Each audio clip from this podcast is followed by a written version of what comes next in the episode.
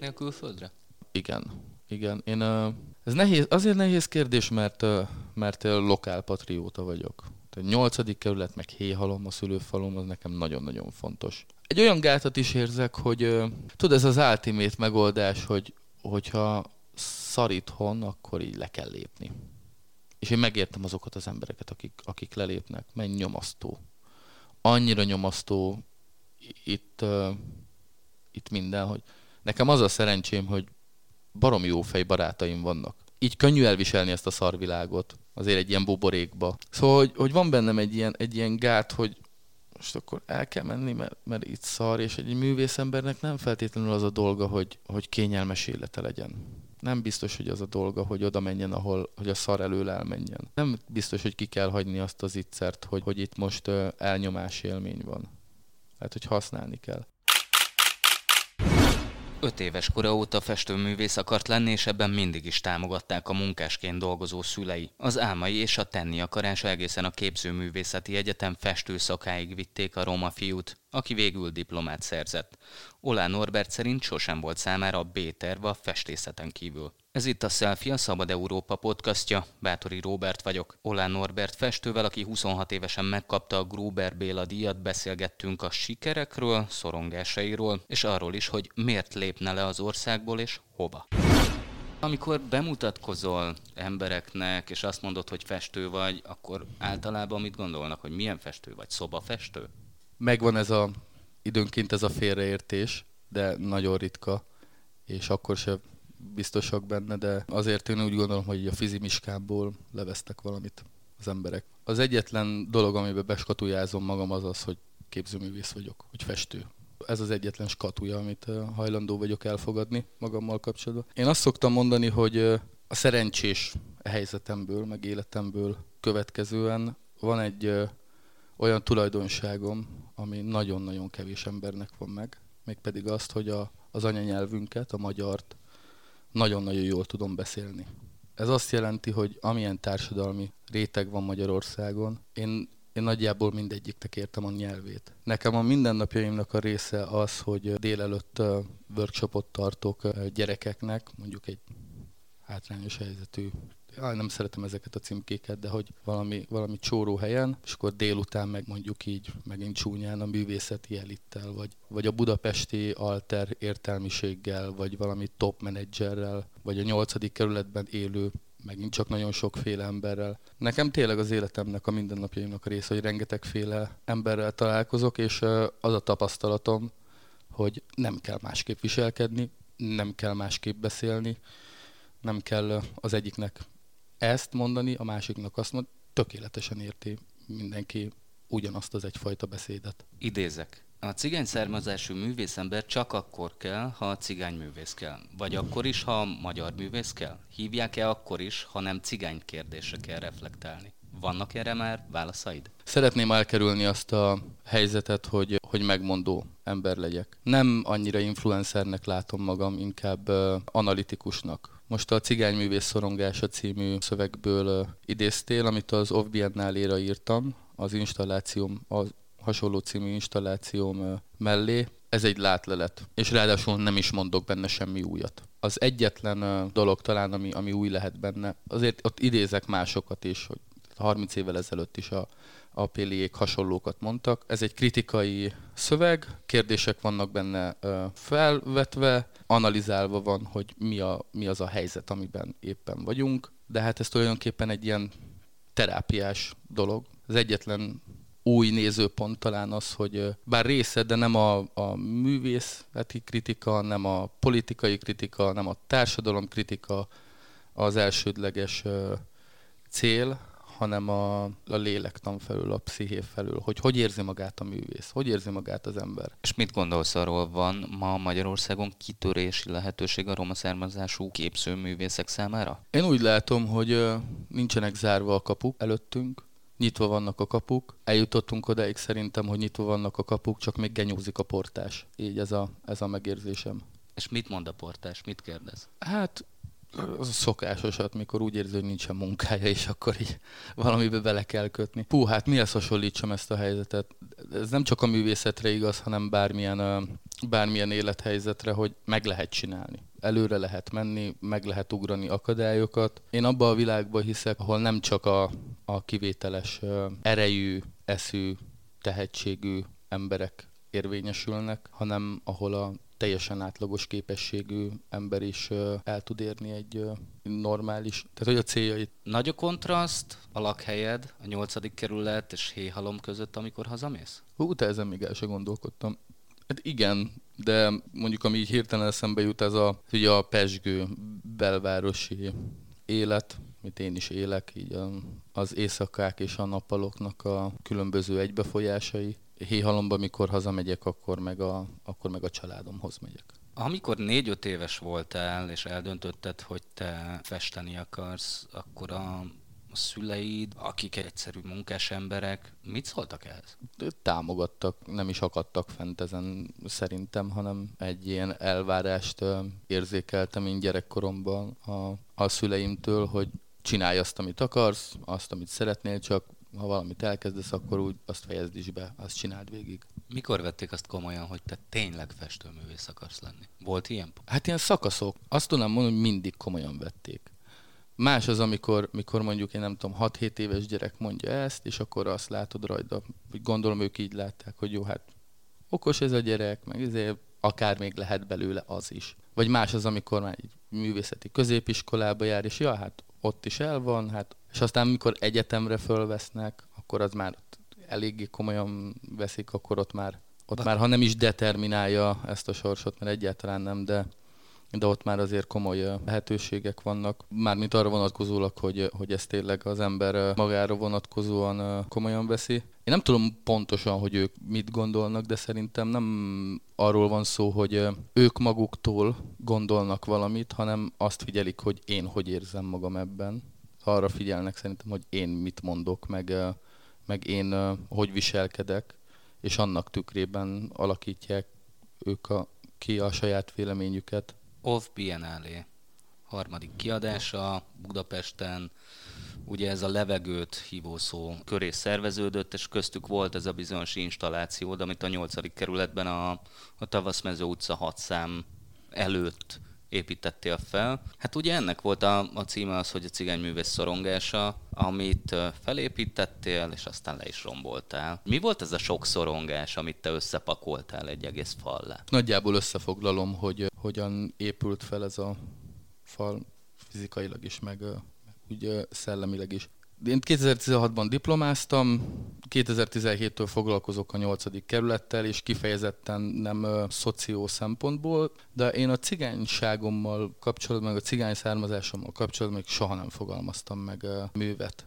Nekem nagyon fontos a, a roma identitásom, tíz évig készültem erre, erre a műre és most pattant ki, de ez, ezen tíz éve töröm a fejemet. Nem éreztem azt, hogy, hogy nekem a, a cigány származásommal kell haknizni. Úgy nézett ki az installáció, hogy fel van építve ilyen 1,60 magas, két és fél méter hosszú téglafal, minden téglába egy-egy szó bele van írva, identitás, származás, nép, nemzet, kisebbség, roma, cigány, szegregáció, integráció, reprezentáció, pénz, hatalom, politika, körülbelül 60 féle szó van felsorolva, és bele van vésve minden egyes téglába bele vannak vésve ezek a szavak. Több oka is van annak, hogy a fal motivumot választottam, vagy hát hordozó felületéből a, a falat. Tehát ez tényleges fal, malterral összerakva a, a volt Roma parlamentnek a, a kapuja van be, volt befalazva. Tehát ez a fal motivum, ez egy nagyon-nagyon erős mém. Maga a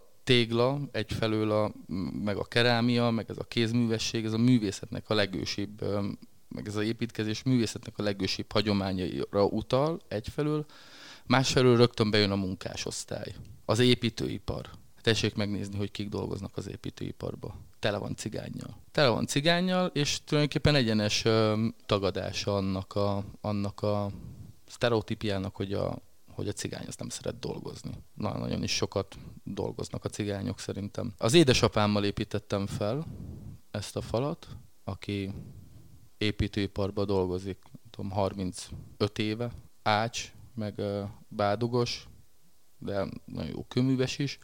Együtt építettük fel, a koncepció része volt, hogy a faterral építjük, építjük fel. Én nagyon sokat dolgoztam együtt vele gyerekkoromtól, jártam vele segédmunkásnak dolgozni, és nagyon-nagyon az én személyes életemben az építőipar az nagyon-nagyon meghatározó tapasztalat volt, meg szerintem még lesz is. Másfelől a, a fal egy akadály.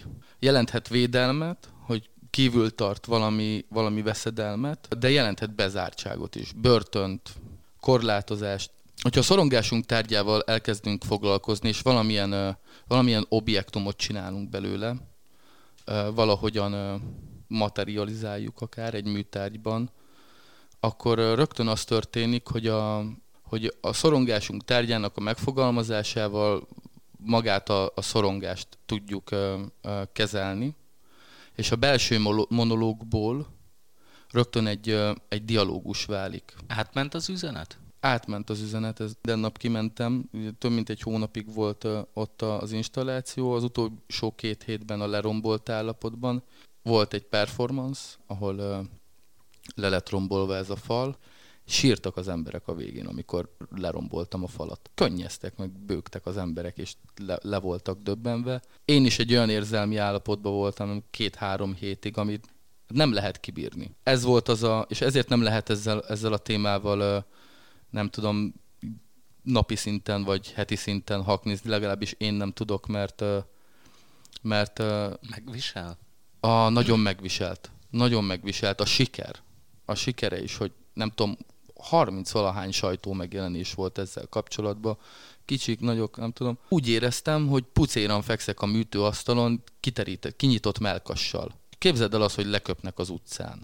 És akkor, hogyha te ilyen fasz a gyerek vagy, meg ilyen izé, zenbe vagy, akkor mondhatod, hogy hát kit érdekel, hogy leköpnek. Én nem fogok visszaszólni, meg se fordulok, hát hazamegyek, és akkor letörlöm magamról a nyálat köpetet. Hát kit érdekel? Szeretnék ilyenné válni, törekszem erre, remélem, hogy egyszer tényleg teljesen el tudom én ezt, hogy rám köpnek, és nem érdekel. De hogyha ki van nyitva a melkasod, és beleköpnek a tüdődbe, na az milyen?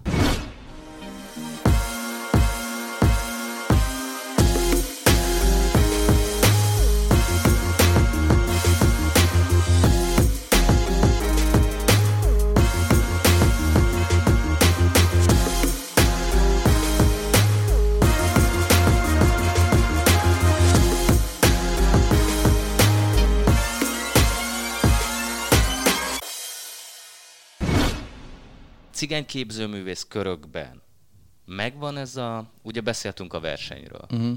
Itt is operálnak az emberek a féltékenységgel és a rossz indulattal, ugyanúgy, mint bárhol máshol, vagy ez inkább egy ilyen összetartóbb közegkör, ahol támogatjátok egymást? Az a legkorrektebb, hogyha nem mondok erre semmit. Nem azért, mert meg akarom kerülni a kérdéset, bármit mondok, nem leszünk bejebb. Nem? Nem. Azért nem lehet pontosan megállapítani dolgokat, mert eh, nagyon-nagyon szubjektívek. Egyébként meg általánosan van, van véleményem a, a, a dologról, mondtad itt az irítséget. Szerintem a szakmai irítség az nem feltétlenül egy rossz dolog.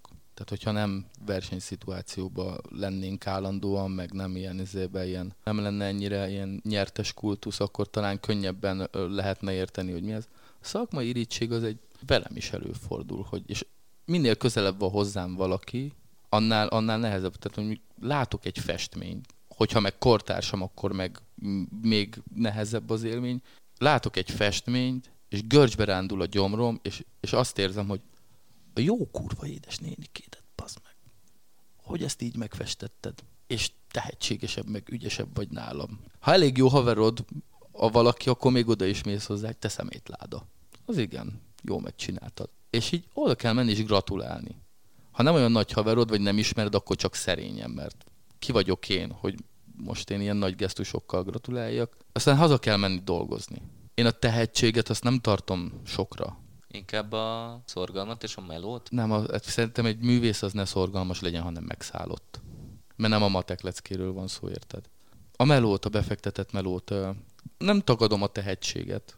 A tehetséget azt azért nem tartom sokra, szerintem nagyon fontos, mert ha valamihez nincsen tehetséged, akkor akárhogy kilódsz, akárhogy vergődsz, hát valamit talán össze tudsz hozni, de, de ezek készségek. De az a, az a nulla, hogy tehetséges, hogy valamiben, az, az, arra még nagyon sok mindent, nagyon sokat kell tanulni, meg legyen műveltséged, meg technikai tudásod, meg milyen, milyen nem tudom, szakmához, vagy tudományhoz, vagy művészethez milyen készségek kellenek. Az olyan, hogy az, az a valamilyennek születtél, most nem tud eldönteni, hogy holnaptól izé te ö, szebb leszel.